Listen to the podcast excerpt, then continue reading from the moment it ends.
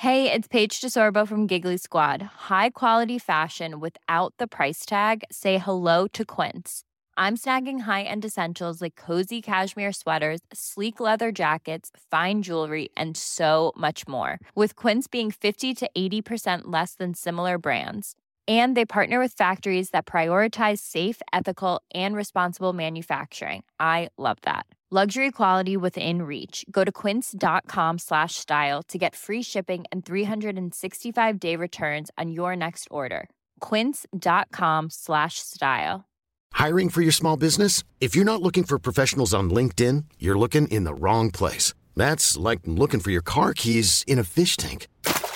LinkedIn helps you hire professionals you can't find anywhere else, even those who aren't actively searching for a new job but might be open to the perfect role. In a given month, over 70% of LinkedIn users don't even visit other leading job sites. So start looking in the right place. With LinkedIn, you can hire professionals like a professional. Post your free job on linkedin.com slash achieve today. Planning for your next trip? Elevate your travel style with Quince. Quince has all the jet-setting essentials you'll want for your next getaway, like European linen, premium luggage options, buttery soft Italian leather bags, and so much more. And it's all priced at 50 to 80% less than similar brands. Plus, Quince only works with factories that use safe and ethical manufacturing practices. Pack your bags with high-quality essentials you'll be wearing for vacations to come with Quince. Go to quince.com slash trip for free shipping and 365-day returns.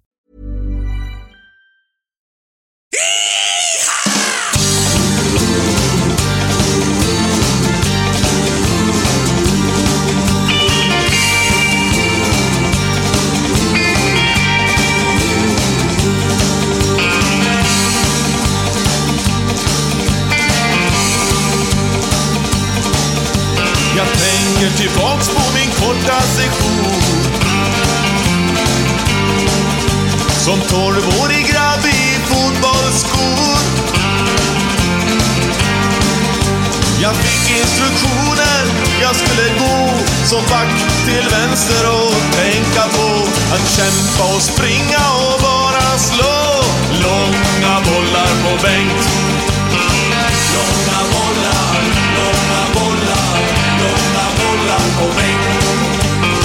Bengt, han var påläggskalv. Långa bollar på. Jag blev befordrad till vänsterhalv. Långa bollar på. Jag tänkte nu får jag min chans och befängt.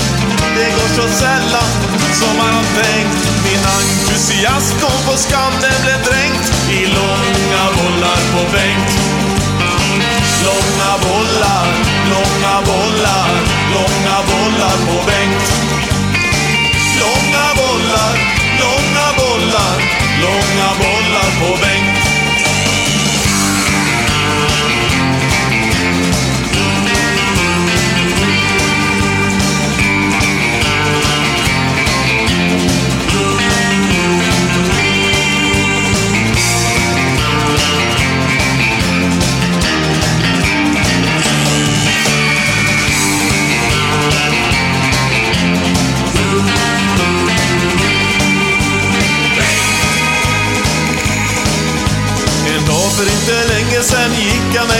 Mig till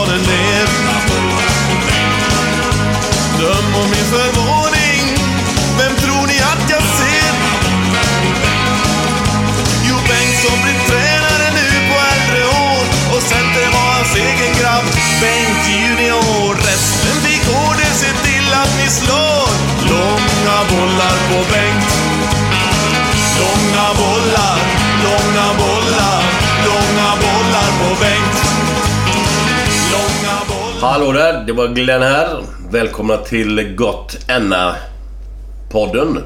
Idag har vi Patrik Gustafsson. Vad ska man säga? Utbildningsansvarig på Göteborgs fotbollsförbund, stämmer det? Ja, det Ungefär. Kan, det kan vi kalla det. Ja, Ja. absolut. Välkommen, välkommen. Eh, och utvecklingsansvarig kan vi kalla det också lite eller? Ja, det är ju egentligen de två områdena. Jag, så här, samlingsnamnet är väl utveckling egentligen. Sen försöker jag utveckla ett antal områden där Ja. just utbildning, spelutbildning, tränarutbildning är, är viktiga inslag om man säger så. Ja. Eh, Och nu på senare tid så har det blivit eh, väldigt mycket föreningsutveckling. Det är liksom det så här, det, det området vi ja, jobbar mycket med att prioritera nu då. Ja. Spännande. Det som är så kul här nu är ju att jag tror vi släppte första avsnittet 4 maj Glenn. Ja, det kan nog stämma. Ja. Med din son Anton. Yep. Och då pratar vi en hel del om ungdomsidrott, just ungdomsfotboll då. Mm. Och sa att det skulle vara återkommande.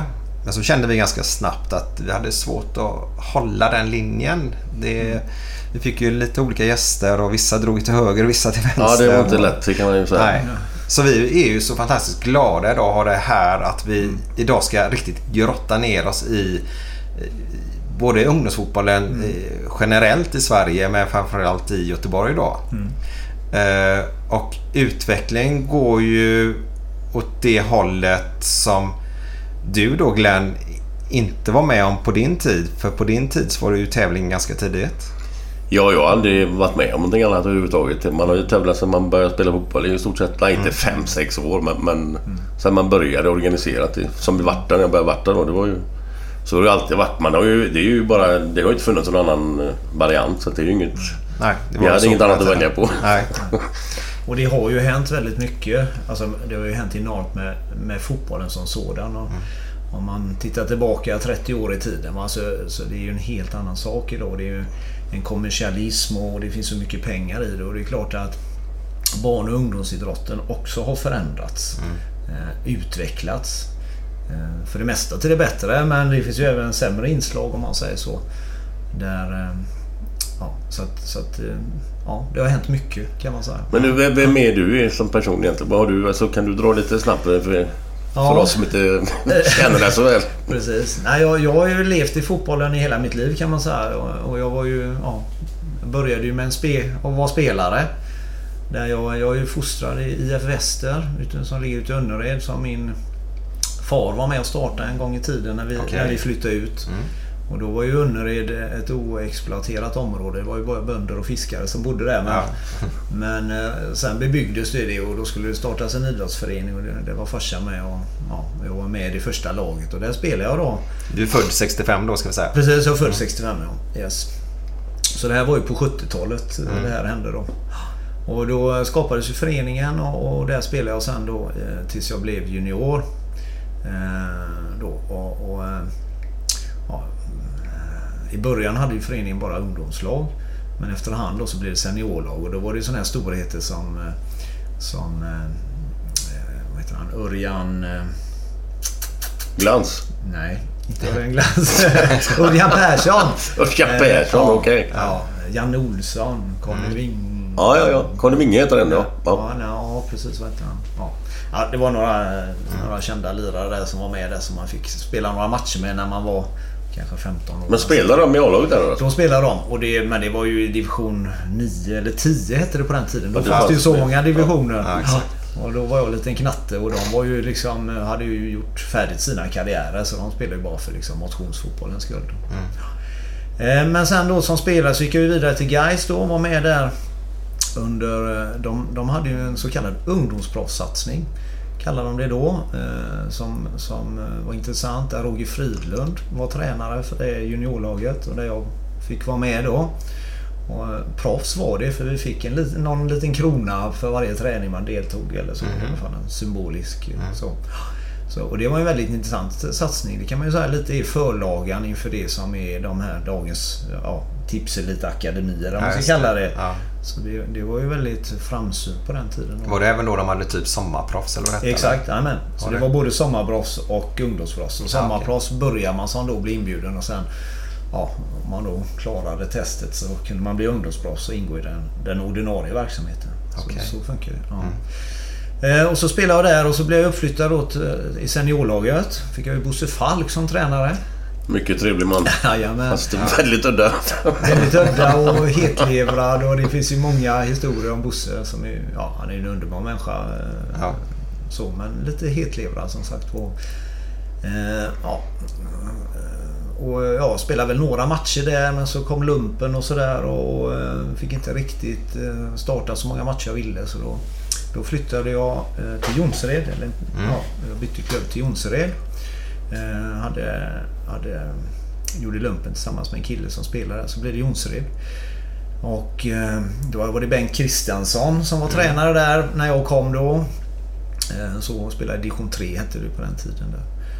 Eh, och efter Bengt Kristiansson som kom så kom Nisse Berghamn, eller kom och kom, men Nisse Berghamn då hade han ju varit på en session i IFK, var tränare, kom han tillbaka till Jonsered. Mm. Vi hade Bosse Backman ett tag som sedermera tränade ÖIS. Mm. Som eh, numera jobbar i Lerums kommun. Och sen då så blev det ju Torbjörn Nilsson då som var tränare där tillsammans med Fulvio. Eh, och där spelade jag i sju år tror jag det var. Eh, I division 3 och division 2 vad det nu hette mm. på den tiden. Och det var de roligaste åren. Det var jätteroligt. Mm. Hade vi där. Var det, vilken position spelade du på? Då, jag, mittback kan man säga var min, var min huvudposition. En flisare? Nej, jag var nog lite tvärtom. Jag var mer en lirare. Jag läste spelet. Ah, okay. Eh, min svaghet var ju egentligen min snabbhet. Var lite för långsam. Alla Men mitt, mitt, mittback eh, kan man ju klara sig utan att vara ruggigt snabb. Liksom. Till, viss, till viss del kan man det. Mm. Det är klart, det var ju så jag försökte kompensera det hela. Men, mm. men det hade ju underlättat om man varit lite snabbare, det kan jag säga. Så det var väl det. Eh, så. Var José Fortes med då? nej, det var han inte. Nej. Utan det, han kom nog efter när jag hade lämnat det. För sen, sen gick jag med kan man säga Torbjörn och Fölvio när de, för de flyttade och blev tränare i ÖIS. Ja, stämmer. Och, ja, och då det var väl då de åkte ur och hade sig va? Ja, precis. Och jag, jag, de gick så här, eh, De gick till ÖIS och sen ett år senare kom jag med. Och då var det det året att ÖIS hade ramlat ner i division 2. Mm. Eh, när jag kom dit. Och det, historiska året då, för då spelar man ju två serier per år. Mm. Så då vann jag just division 2 på våren. Kom upp i division 1 hette det väl då. På hösten och fick kvala till Allsvenskan. Spelade två kvalmatcher mm, bland annat mot Gais avgörande kvalmatcher då. Så gick ÖIS upp i Allsvenskan. Mm. Man gick två serier på ett år. Ja, det var det där konstiga. Ja. Men jag bara, bara en dum fråga nu säkert. Men ramlade de inte ner två serier det året innan också? Eh, nej, det var nog bara... Ja, inte, inte under ett år. Utan okay. det, det, var... Det, det var väl något med Bjuslet där väl? De, eh, var inte Bjurslet uppe och vevade Bjurslet var också uppe i division 2. Så när vi spelade division 2 med ÖIS då mötte vi Bjurslet. Mm. Som då hade ju gått eh, som en raket uppåt i systemet. Mm. Lalo Fernandes. Till, Lallo, eh, till pengarna tog slut. Ja, lite så. Ja. ja. Och Lallo var ju en, en, väldigt engagerad ledare som fick med sig ett gäng där. Så, mm. det var, eh, och även Mölnlycke vet jag vi mötte. Och mm. Ulvåker och sådana såna lag mötte ÖIS då i division 2 där. Men sen var det tillbaka i Allsvenskan. Och så, då, så mitt andra år i ÖIS där, då spelade vi ju Allsvenskan. Eh, åkte förvisso ur eh, direkt då. Men var du med i ledarstaben då eller som spelare? Nej, det spelar jag fortfarande ja. på spelarkarriären. Yes. Precis. Vem spelar du ihop med som mittback? Eh, Niklas Sjöstedt var, ah, okay. var ju... Okay. Precis. Och jag och Niklas vi hade ju spelat ihop i Gais lite grann. Eller mm. var ju med under samma period i Gais där kan man säga. Så det var, under, det var där. Även Jens Wålemark var ju med mm. också. Så mm. det var, det var alla vi tre som turades om lite där. Eh, mm. Sen, eh, ja, det, så det blev ju två år där. Och då hade man väl uppnått den ansenliga åldern av 28 någonting sådär va. Och eh, ja, Ja, mina bästa år hade jag i Jonsered. Okay. Det, var roligast och det var då jag presterade bäst. Om man mm. trivdes jättebra i den miljön. Eh, ÖIS gick det inte riktigt lika bra kan man väl säga. Så, så eh, ja, och parallellt med detta så hade jag liksom utbildat mig då. Jag gick på Chalmers och blev civilingenjör inom datakomområdet då. Eh, och hade börjat jobba och eh, kände väl det liksom att jag eh, ville kunna lägga lite mer kraft på, på jobbet istället för fotbollen. Så att, mm. Då valde jag liksom att stiga av lite tidigt kanske så. Men jag varvade ner då till Väster, min moderförening. Spelade två år där i division 4 och division 3 som det hette på den tiden. Mm. Och sen så eh, la jag av. Så jag var väl kan vara 30 då kanske när jag, när jag la av. Eller tog ett sabbatsår kan man väl säga. Gjorde ingenting. Eh, och det var också den vevan vi fick barn då. Fick tvillingarna. Simon och Samuel då. Föddes ju då. Vi, vi flyttade till Mölndal och liksom satte bo där och så kan man säga. Mm. Eh, ett sabbatsår där och sen eh, så hade jag fått tillbaka lite sug och så. Då, då blev jag tränare i Väster. Okay. Så då tränade jag seniorlag i tre år. Eh, där. Och det var också division 4 och 3 då. Eh, som vi gjorde Spelar Sören Nyborg där då? Ja, precis. Ah, okay. Sören var med där. Mm. som spelare. Så vi spelade parallellt där kan man säga. Ja, ehm, ja tre år där. Och sen då så var ju... Då hade, då hade pojkarna blivit så pass gamla att de skulle börja spela i klubb. De var, var de fem eller något där då. Och då kände jag att då, då ville jag liksom vara med på det. Så, så då, då la jag min kraft där helt enkelt. Och blev, Som ungdoms, ja. ja. blev ungdomsledare i Fässberg helt enkelt. Mm. Och för, för Fässberg var ju den lokala klubben där då. Det var ju där vi bodde och då började mm. man ju där. Eh, så. Eh, och vi ju även, fick ju även en tredje pojk där då, Elias. Vi är ju mm. tre pojkar då. Jag är ju själv mm. tvilling men hur mm. fan är det att Liksom, mm, och få tvillingar. Ja, det, det är ju dubbelt så jobbigt som en alltså då. Så att, alltså, var det jobbigt eller? I, I början var det dubbelt så jobbigt. Och framförallt var det min fru som fick ta den stöten ja. med, med dubbelamningar och ja, de käkade ju inte samtidigt. Utan det var ju... Ja, så. så. Men, eh, men eh, sen kan man ju säga att det är lättare för att tvillingar har ju alltid varandra. Så att liksom när det mm. gäller att leka och, och sådär så, så sköter de sig väldigt mycket själva. Så, mm. så det och det, jag vet inte, man fick ju en känsla av att det var liksom lite unikt och annorlunda då. Mm. Att få tvillingar. Så det var ju liksom väldigt spännande och roligt naturligtvis. Mm. Ja, och sen då började, skulle de börja spela fotboll och då blev man ungdomsledare i Fässberg då. Och ja, började träna det laget och så blev kallad på något ungdomsledamöte där. Och, och, ja, och så börjar man väl ställa lite frågor. Och hur, ska, hur gör vi här och hur gör vi här? Och så visade det sig att det fanns liksom inga svar egentligen på det där då. Nej, och, och ja, och vips så var man liksom ungdomsansvarig där då. Så började dra lite i, i frågor som rörde föreningen. Hur, hur gör vi här med våra ungdomar? Och, ja, vad har vi för policy och värdegrund och värderingar och hur ska vi träna här och alla de här vanliga frågorna som dyker upp. Ehm, och jag följde ju det här 94-laget som det hette då. Mm. Följde jag ju ända tills de var 15 år kan man säga. Mm. Så. Dina pojkar är födda 95 ska vi säga. De är födda 95. Ja. Ehm, men de kan man säga har gjort allting med 94. De gick i skolan med 90, De är födda i januari 95 ska jag säga också då. Så, att, ja, okay. så de började ju skolan då med 94 och idrottade med 94. Så, så de är ju som 94 även om de är födda i januari 95. Mm. Så det var ju den ålderskullen då som, som liksom vi följde. Fick ihop ett, en jättebra ledargrupp där och, och spelarna tyckte det var roligt och vi hade en fantastisk tid där under jättemånga år. Mm. Och parallellt med det då så jobbade jag ju liksom med föreningsarbete kan man säga. Bygga upp till att börja med då ungdomssektionen. Mm.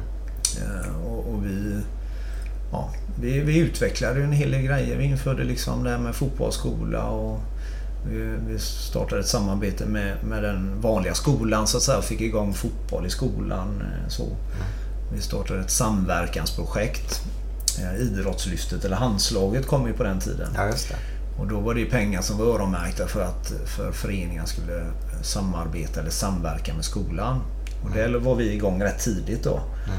Så då hade vi liksom eh, ett projekt helt enkelt där där i första hand eh, ja, juniorspelare eh, i föreningen då hjälpte till att hålla lek och rörelseaktivitet i skolan.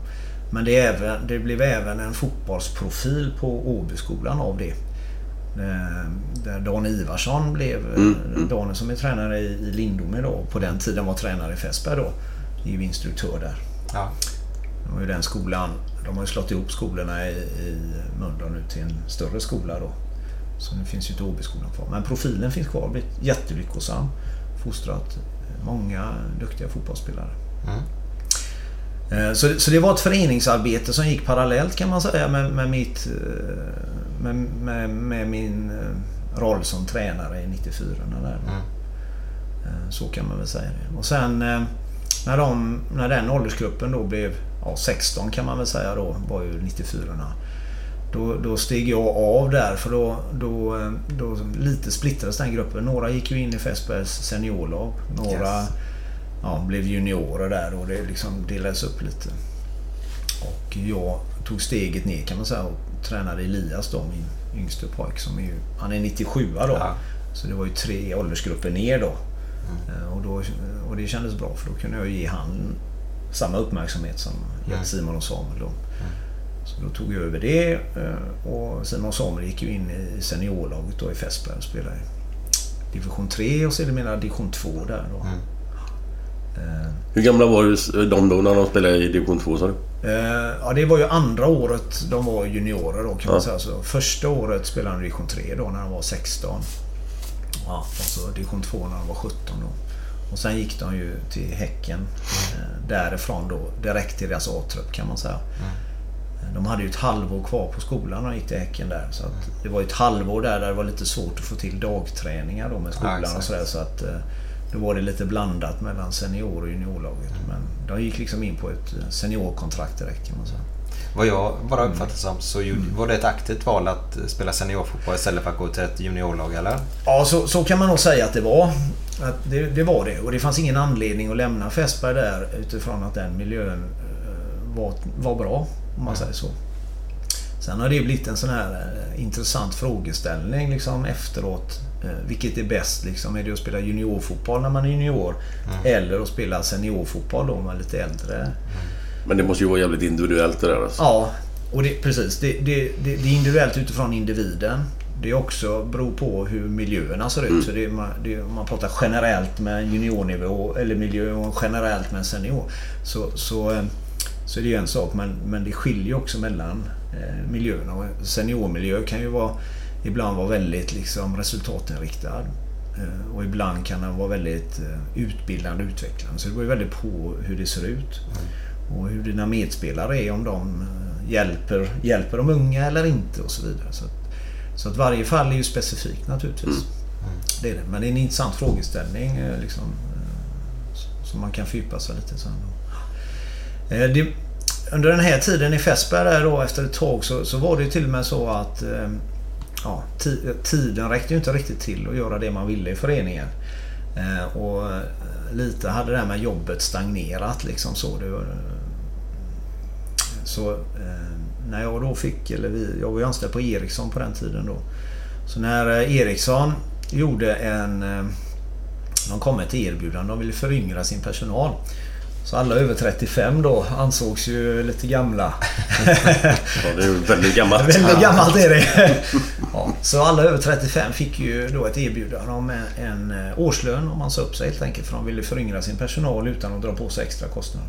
Okay. Och då blev det ju liksom lite den här eh, bägaren, eller droppen som fick bägaren att rinna över för mig. Eller då tog jag klivet ut. Eh, och sen dess kan man säga så har jag jobbat med fotboll då istället för med data och telekom. Som Men gick du till förbundet då eller vart blev det? Ja, då var det en liten period där precis efter det här hände som... Eh, det var inte så att det stod heltidsjobb och väntade på en direkt. Utan då var det en, en period där. Eh, och då hade jag en deltidstjänst i Fässberg där jag jobbade kan man säga. Mm. Med föreningsutveckling då, deltid.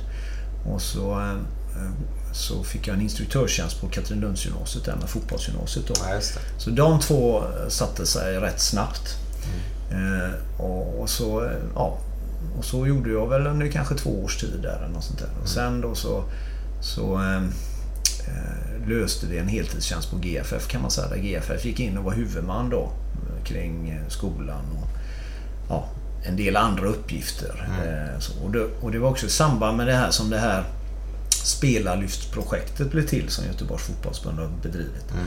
Som också är ett idrottslyftsfinansierat projekt då. Mm. Eh, vad, vad, vad går det ut på? Ja, eh, det är ju en satsning kan man säga på, på barn och ungdomsfotbollen i Göteborg. Aha. Och det är lite lustigt för att, för att initiativtagare eller, eller så till det projektet, det var Stefan Lundin. Mm. Sedermera sportchef eh, på SEF nu. Mm. Men då var Stefan riksinstruktör på Svenska fotbollsförbundet. Eh, eh, med ansvar att jobba mot ett antal distrikt, bland annat Göteborg. Då. Mm. Och då sig Stefan och Ulf i första hand ner då och diskutera vad, vad de kan göra eller vad man kan göra för barn och ungdomsfotbollen i Göteborg. Mm. För det såg inte riktigt så bra ut då tyckte man.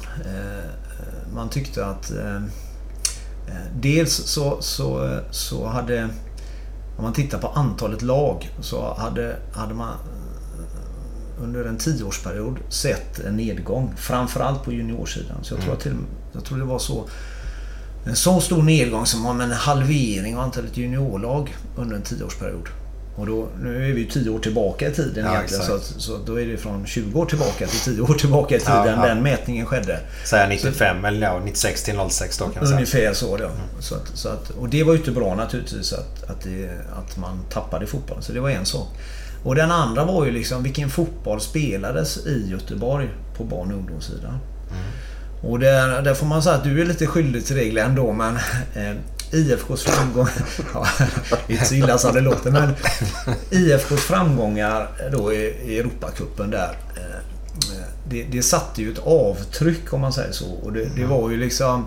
Det var ju 4-4-2 fotbollen och, och liksom press och understöd och liksom de bitarna. Som var ju jätteframgångsrika så. Men, och, men alla då, alla tog väldigt starkt intryck av det. Och alla liksom, eh, inklusive mig själv som, som var, satt på läktaren där och var en del av den här liksom, eh, rörelsen som uppstod kring det då. Blev ju väldigt liksom eh, inriktade på det sättet. Så, så alla ungdomslag spelade ju så. Eh, och det, det blev liksom det blev lite försvarsinriktat och det blev mycket långa bollar och sådär. Och vi gjorde väl liksom då analysen att, att är det här liksom det mest utvecklande sättet för barn och ungdomar att spela fotboll på? Mm.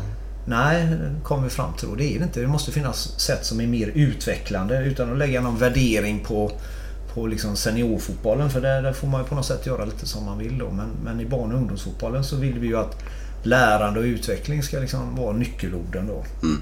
Och då tyckte vi kanske inte att de här långa bollarna och det försvarsinriktade spelet var det som var mest utvecklande. Så därför ville vi förändra det då och införa liksom eh, ett annat, en annan syn på fotboll, en annan typ av spel som var mer, ja, ansågs mer utvecklande.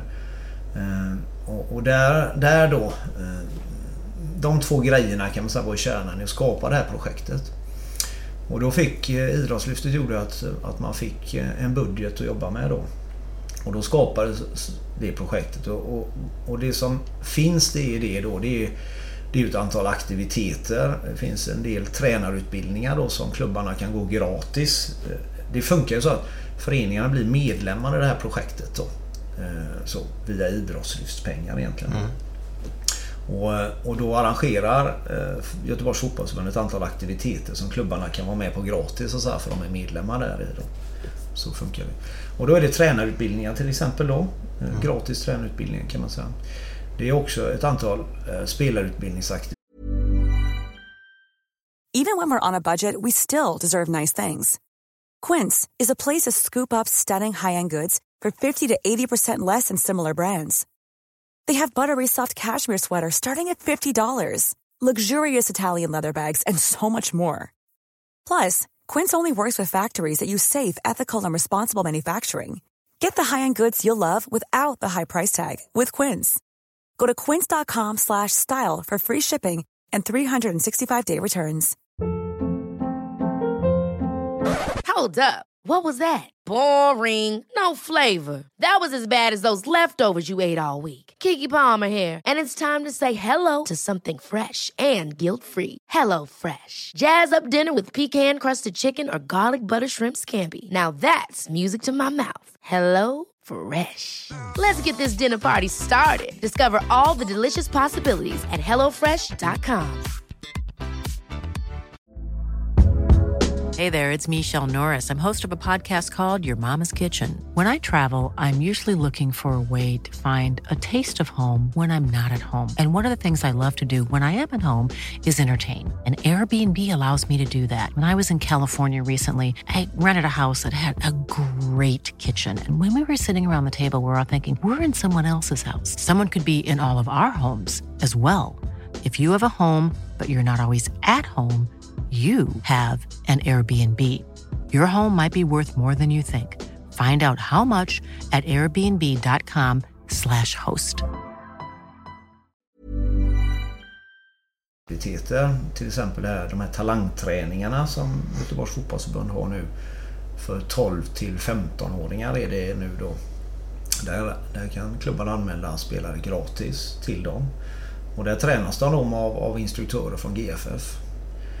Eh, utifrån den spelarutbildningsplan som vi har tagit fram då, eller som har växt fram här under ett antal år också inom ramen för det här projektet. Då. Mm. Så den här spelarutbildningsplanen då, den, den innehåller då liksom den här ja, nya fotbollen om man får säga, kalla det så då, som vi anser vara mer utvecklande. Eh, så vi, så vi har ju då beskrivningar för spelsystem då för olika åldrar där som vi tycker fokuserar på eh, de sakerna som är mest utvecklande. Och så är den också kopplad då till olika träningsmoment. För man, man så att säga, ja, bör ju träna på olika saker i olika åldrar kan man säga. Mm. Så är tanken. Men du, vad är, bara för att vara nyfiken, mm. vad är det här nya då om man säger så? Ja. Istället för det här 4-4-2 gamla. Ja. För det, jag håller med dig fullständigt. Det håller ju inte alla tider. Men vad, vad, vad är rent krasst, vad är det som... Ja, då, vad är det man... då är det lite uppdelat efter ålder där kan man säga. Mm. Så, så de yngsta åldrarna, det, det ska ju... Där, där ska det präglas av enkelhet bara. Så, att, mm. så att där är ju många bollkontakter liksom. Det, mm. det, det är målsättningen och inte så mycket annat. Men sen när man kommer upp i ja, 10-årsåldern någonstans. Då, då börjar det vi kallar för triangelsystemen. Som eh, ja, till exempel eh, 2-3-1. Om man ställer upp 2-3-1 då, då får man massa trianglar på planen. Och det, det blir sedermera 4-3-3 då kan man säga. Eh, och det är ju så utgångspositioner och så. Men, men arbetssättet då är ju att spela eh, sådär, mer, prioritera anfallsspelet framför försvarsspelet. Spela mer kortpassningsspel. Eh, äga bollen. Eh, mm. Så, styra matchutvecklingen. Istället för att 4-4-2 utgår ju mer ifrån eh, försvarsperspektivet. Försvara, kontra, spela lite längre bollar och så. Så mer kan man säga ja, spansk eller Barcelona-skolan. Lite med holländsk Ajax-triangel så där. Eh, så en, en, mer teknisk kreativ fotboll som bygger på i första hand anfallsspel då kan man säga. Men nu pratar vi matchsituationer här nu egentligen då? Nu, nu pratar vi matchsituationer. Vi pratar, vi pratar spelet fotboll eh, kan man mm. säga och hur vi löser olika saker. Det påverkar ju träningssituationen också då för att mm. För att då ska vi ju träna upp våran teknik och våran spelförståelse och vi ska kunna bli duktiga i ett kortpassningsspel och, och kunna spela oss ur alla situationer. Eh, så att säga då. Eh, och det kräver ju att man har både teknik och speluppfattning för att lyckas med det. Så det är ju en ganska lång process. Man kan ju inte bara eh, liksom... Det, det är ju det vi ser nu till exempel i svenska landslaget här. Och det är ju fortfarande så att svenska landslaget inte kan föra matchen mot bättre lag. Bättre lag liksom, så. Vi är inte tillräckligt skickliga på det. Däremot kan vi fortfarande försvara oss och kontra och vinna matcher. Mm. Ungefär som Island gjorde. Liksom då. Det kan vi fortfarande mäta oss ja, med. Ja, det kan ju ta många europeiska lag som gör så också. Exakt. Är du ett sämre lag så måste du spela efter förutsättningarna. Så är det ju lite då. Va? Ja. Så, att, så att det är klart att det krävs ju jättemycket träning då för att göra detta. Och det, det är ju egentligen det vi är ute efter då. För ja, på, på, sikt så ska det om 10-15 år kanske det kan bli på, lite annorlunda ut. Exakt. På sikt kommer det göra att våra fotbollsspelare blir annorlunda. Mm. Och, och det tycker jag man kan se eh, resultat så att det har gått nu knappt 10 år sedan vi började i arbetet då. Mm. Så ser vi ju resultat i, i, eh, hur fotbollen spelas idag. Det är ju inte bara våran förtjänst naturligtvis utan det är också hur fotbollen rent generellt ser ut ute i Europa. Mm. Där spelaren blir duktigare och duktigare och, och behandlar bollen och bättre och få bättre spelförståelse. Ja, du med din eh, icke-snabbhet då. Mm. Då har du inte haft en chans idag. Nej. Så, så. Fast, fast du läsförstår för det går ju väldigt ja, snabbt där ute idag. Det gör det. Och, och, man måste ju ha alla kvaliteter som fotbollsspelare idag liksom. För, för det, ja, det har gått framåt och spelarna har blivit oerhört mycket bättre. Mm. Vilket bland annat beror på att man tränar mycket bättre.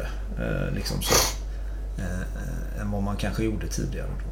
Eh, och tränar annorlunda. Och, det utvecklas ju enormt det där. Men, men är, det, är det inte mycket så också att det, det kommer mer och mer utländsk alltså influens mm. i ungdomsfotboll idag? Liksom, det är så många som kommer från andra länder och de har ju med sig lite mer ja, teknik än en normal svensk som du och jag liksom. Ja.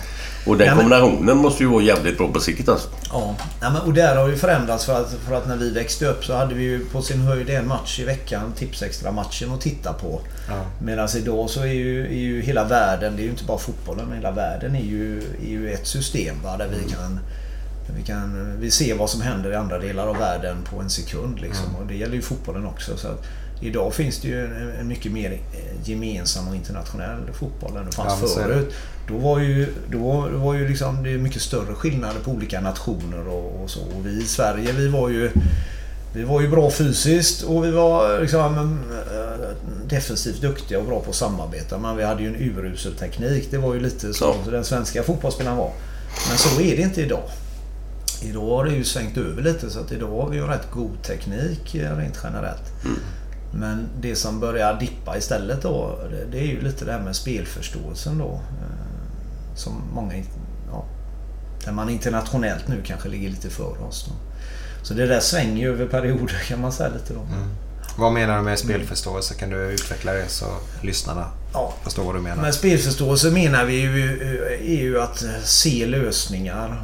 Vilka lösningar kan jag, kan jag hitta i den här situationen och kunna se, se dem snabbt och, och göra de lösningarna. Men det jag bara tänker så här lite grann. Det, det gör man ju oftast på träning lär man ju sig sånt här. Absolut. Ja. Och idag så är det ju väldigt mycket, vi jobbar mycket på passningsspel, Mm. teknik. Amen. Ja. Ofta så är det ju spelsituationer som du hittar lösningar på problem, om man så säger.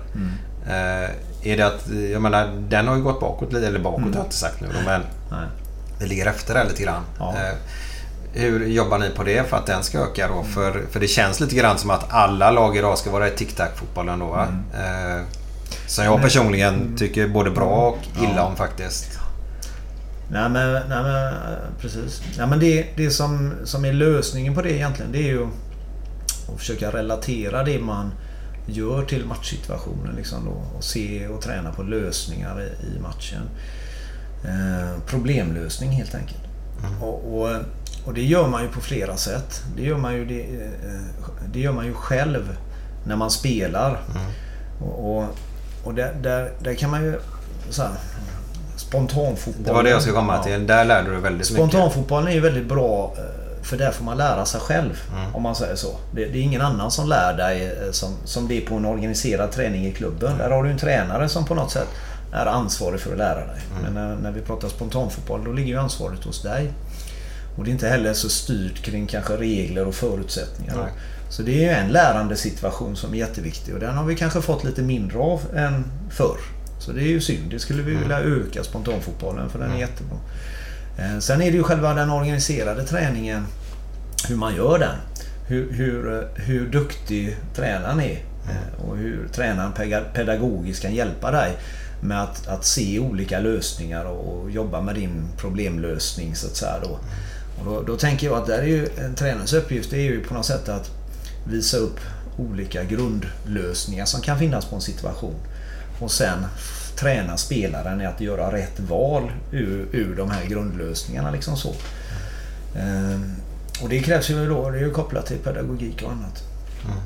Men sen har du också en, en tredje grej där. Det är ju spelarens eget intresse då. Titta på fotboll till exempel. Eh, Och där, där ser vi ju ofta... Det är en intressant jämförelse mellan killar och tjejer lite där. Eh, För killar... Alla killar ska ju liksom bli proffs. Och de, de kan ju titta hur länge som helst på TV och på, på fotboll där. Och de ser mycket fotboll. Medan många tjejer de, de, de lever inte fotboll riktigt på samma sätt. De ser inte lika mycket och, och så vidare.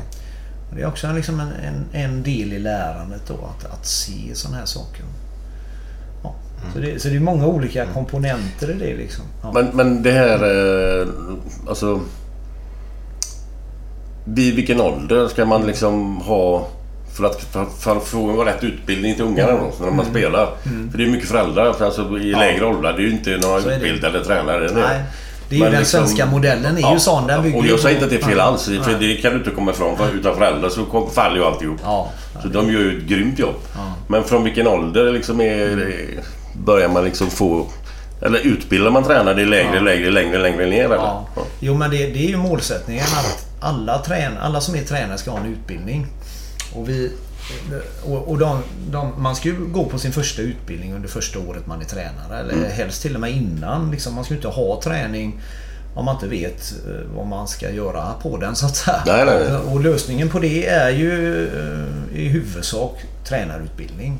Och det finns ju idag då väldigt bra utbildning det svenska fotbollsförbundet har ju omarbetat sin eh, tränarutbildning och gjort den väldigt modern och bra. Så där, den är ju riktigt bra. Och vi i Göteborg vi har ju också tagit fram en egen utbildning som utgår från våran spelutbildningsplan och vårat sätt att spela. Eh, så. Eh, som är ett, kan man säga, ett komplement till den svenska. Bara en förklaring. Det skiljer sig olika eh, Heter det län eller till ja. distrikt då? Hur man spelar fotboll alltså? Så, så är ju Sverige organiserat idag. Det, det, det är ju, Svenska fotbollsförbundet spänner ju över 24 stycken eh, distrikt då. Mm. Där Göteborg är ett då. Och då kan man säga att det är distrikten som äger barn och ungdomsfotbollen. Okay. Eh, ja. Eh, och därför ser det olika ut på olika ställen. Barn och ungdomsfotboll snackar vi upp till 15 då? Eller ja, ja, ja, kan man säga 15-16 någonstans okay. där. Mm. Och sen är man ju även ansvarig för, för säga, den lägre seniorfotbollen då. Så på herrsidan är det väl från division 4 och neråt. Ja, just det. Göteborgsserierna då. Ja, ja, precis. Och på dem är det division 2 och neråt. Då. Mm. Eh, som då distriktet ansvarar för att göra tävlingar för och, mm. och även dess på något sätt utveckling. Då. Men vad är, men, förlåt, men vad är, vad är krasst liksom? Vad är skillnaden? Vad är det, vad, mm. kan, det vara, kan man ta ett typexempel? Vad, vad kan det vara för skillnad mellan en utbildning i Skåne eller Stockholm? Mm. Eller vad, vad är själva... Ja, alltså, själva trän, liksom? tränarutbildningen om man säger så. Den, den som svenska har gjort den är ju gemensam för alla och den är, den är ju den är bra numera om man mm. säger så. Sen anledningen att vi då i Göteborg har gjort våran egen också där. Då, det var ju dels för att eh, Ja, dels för att Svenskas inte var så bra tidigare. Nu har de gjort om det så nu är den bra så att säga. Men också för att kunna, kunna avspegla det som är Göteborgsspecifikt då. För att vi, vi har ju till exempel tagit fram spelformer då som har, som, som har funnits i Göteborg nu ett antal år. Mm. Som nu sig kommer nationellt och det ska vi prata mer om Vi ska sen. gå igenom ja. spelformerna om en liten, liten Men det kan man ju säga att då, då måste vi utbilda i dem så att säga. Mm. Och det är ju Göteborgsspecifikt för, för så ser det inte ut på de andra ställena. Därför har vi behövt ha det kan man säga. Mm. Men, men, andra distrikt då har ju, har ju, man har ju valt att inte... Till exempel i vissa distrikt har man inte femmannafotboll till så då. Eh, och då, då har jag de distrikten haft rätt att, att ha det på det sättet. Det har de bestämt själva. Utan de börjar sjumanna direkt? De börjar sjumanna direkt. Ja. Och även det här när man spelar, vilka åldrar spelar man elvamanna och så vidare. Så mm. Det har ju varje distrikt bestämt själva då. Mm. Och därför har det ju sett lite olika ut. Och därför har vi tyckt att vi funnits behov av en egen tränutbildning då för att visa på det göteborgska sättet och även våran idé kring det här med spelsystem och annat. Då. Så, men det är ju lösningen då att få, att få ledare att gå utbildningar. För det, det, det, det hjälper dem.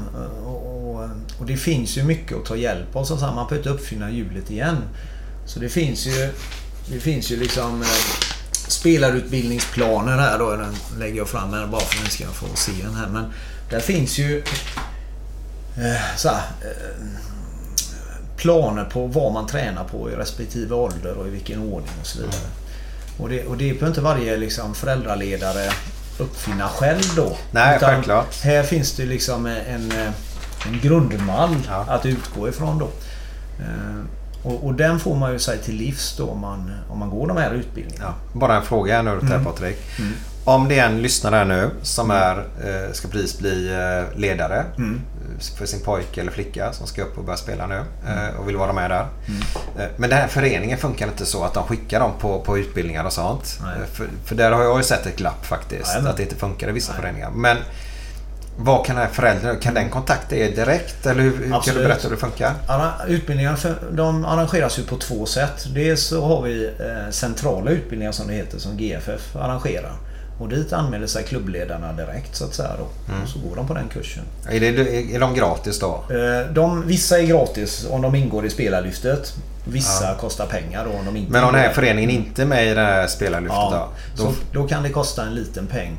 Och, men det är inga stora, vi pratar 500 kronor per dag eller så. Okay. Och där finns ju också ett system då där, där SISU eh, Alltså om man samarbetar med SISU där så kan man jobba upp en så kallad resurs som täcker utbildning. Så att, så att eh, Utbildning ska egentligen inte behöva kosta några pengar. Det är inte därför man nej. inte ska gå på utbildning nej. om man säger så. Nej, nej, nej. Så Men de kan kontakta er? De kan kontakta oss. Det andra alternativet är ju att man som förening arrangerar en egen utbildning och det gör man ju ofta om man har tillräckligt många i sin förening som behöver gå utbildningen. Då är det mm. billigare och enklare att arrangera den i klubben. Och då skickar vi ut en instruktör. Till föreningen? Till föreningen som håller den på plats där mm. då. Det är ju de två sätten. Och vi tycker ju att framförallt utbildningar då för ledare som, som håller på med de yngre. För det är ofta där det är väldigt stora volymer. Det är många mm. ledare om man säger så. De kan med fördel hållas i föreningen. Mm. Och ju längre upp man kommer liksom på utbildningsstegen desto mer centrala. Men det finns även centrala för, för de första gångerna. Ja, okej. Så, så att, men det, det är ju en viktig grej att, att våra ledare går utbildning. Mm. Så att man får åtminstone en grundläggande kunskap om vad barn och ungdomsfotboll liksom på något sätt handlar om och, och, och hur man ska tänka och sådär. För, det, för det är ju ett väldigt vanligt Det är ju ett vanligt fel att man Man kanske har kickat lite boll själv va? Och, och, och, så, ja, och så ska man bli ungdomsledare och, och då utgår man ju ofta från sina egna erfarenheter. Och de kommer ju ofta från de senaste åren man varit aktiv. Ja. Så då plockar man ju med sig liksom seniorövningar och senioridéer ner och kör dem på barn och ungdomar. Och, och det, det är ju per definition fel då. För att, för att det är ju hela, hela barn och ungdomsfotbollens axiomet för det är ju att vi, ska utgå från barnet och dess utveckling. Och en åttaåring till exempel ser ju väldigt, väldigt annorlunda ut än, än, än en 25-åring. Det, det säger ju sig självt när Ja. vi säger det så här. Och då måste vi också anpassa innehållet i våran, i våran fotboll till det. Det är väl även om vi kommer upp till 12-åringar så, så kan det väl vara lite grann hur långt i utvecklingen varje individ har kommit. Ja, ja, så får man ju lägga upp övningarna. Man kan ha samma övning fast det kan vara större avstånd och så visa. Absolut.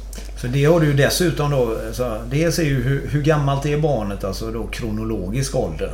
Men sen, sen kan ju en åttaåring vara tidigt utvecklad och vara som en tioåring. Men också sent utvecklad och vara som en sex. Så du har ju ett spann inom den kronologiska åldern. Som, som, och det är ju en utmaning för ledaren också. För du, ofta ska du hantera, du måste ju hantera alla de här.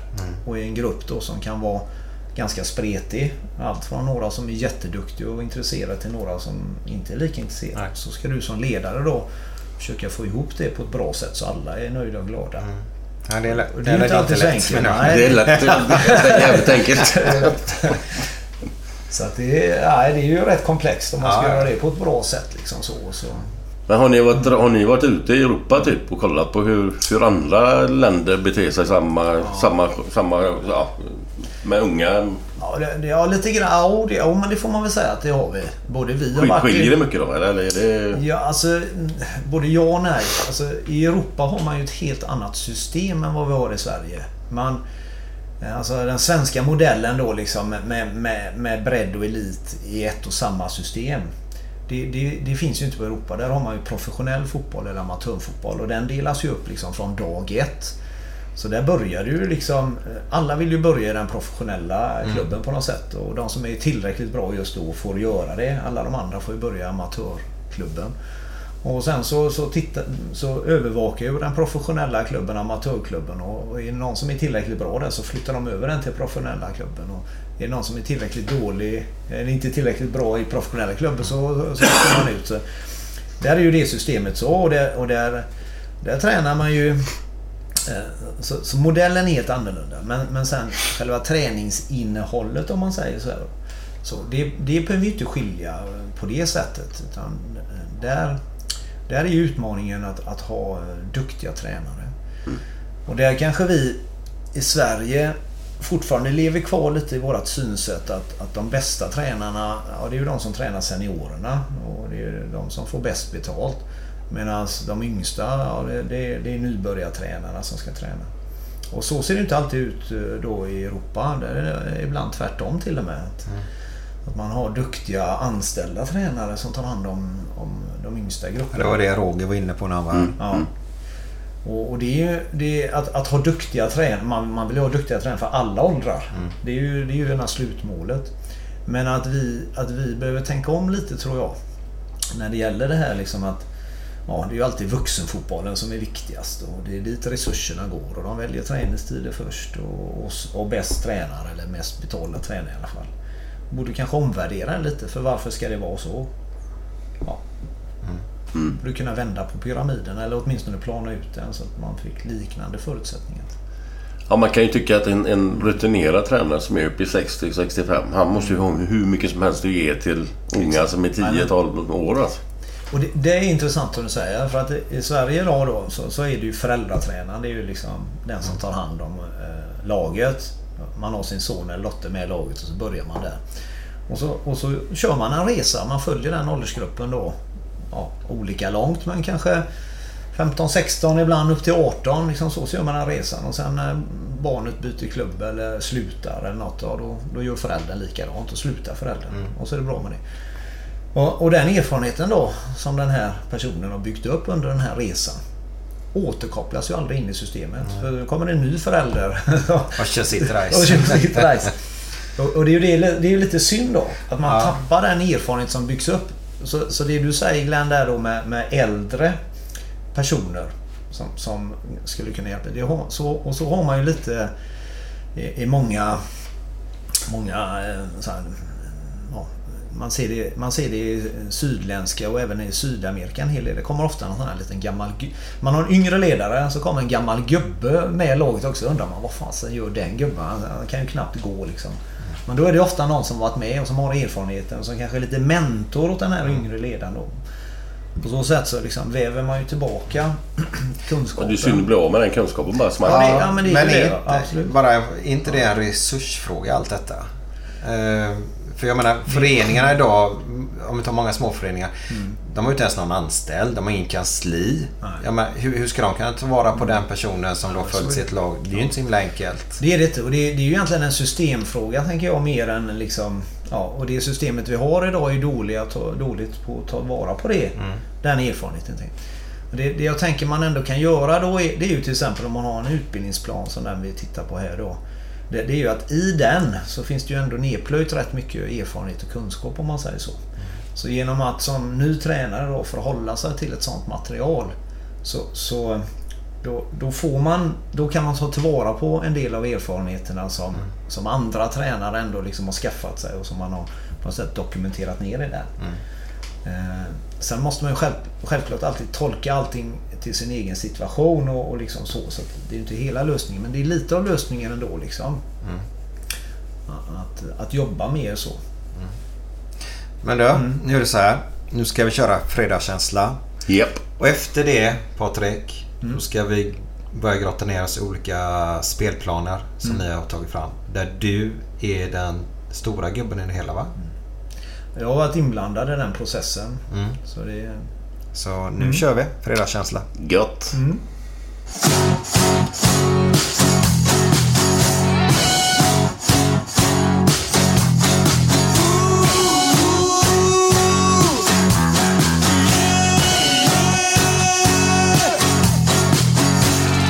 Måndag morgon, inte bra. Tisdag morgon, inte bra. Onsdag morgon, inte bra. Torsdag morgon, det är inte bra. Fredag morgon. Fredag lunch, mycket bra. Fredag eftermiddag,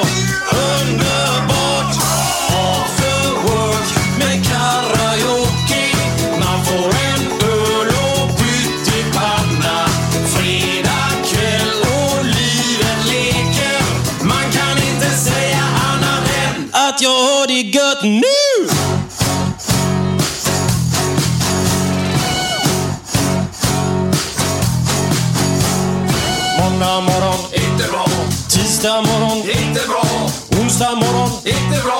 Torsdag morgon,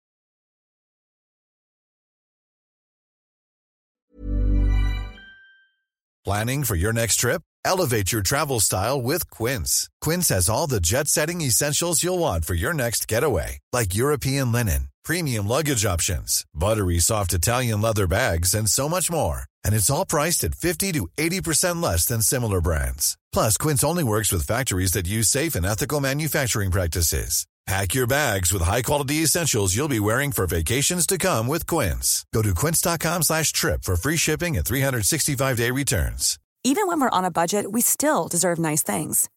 Quince is a place to scoop up stunning high-end goods for 50 to 80% less than similar brands.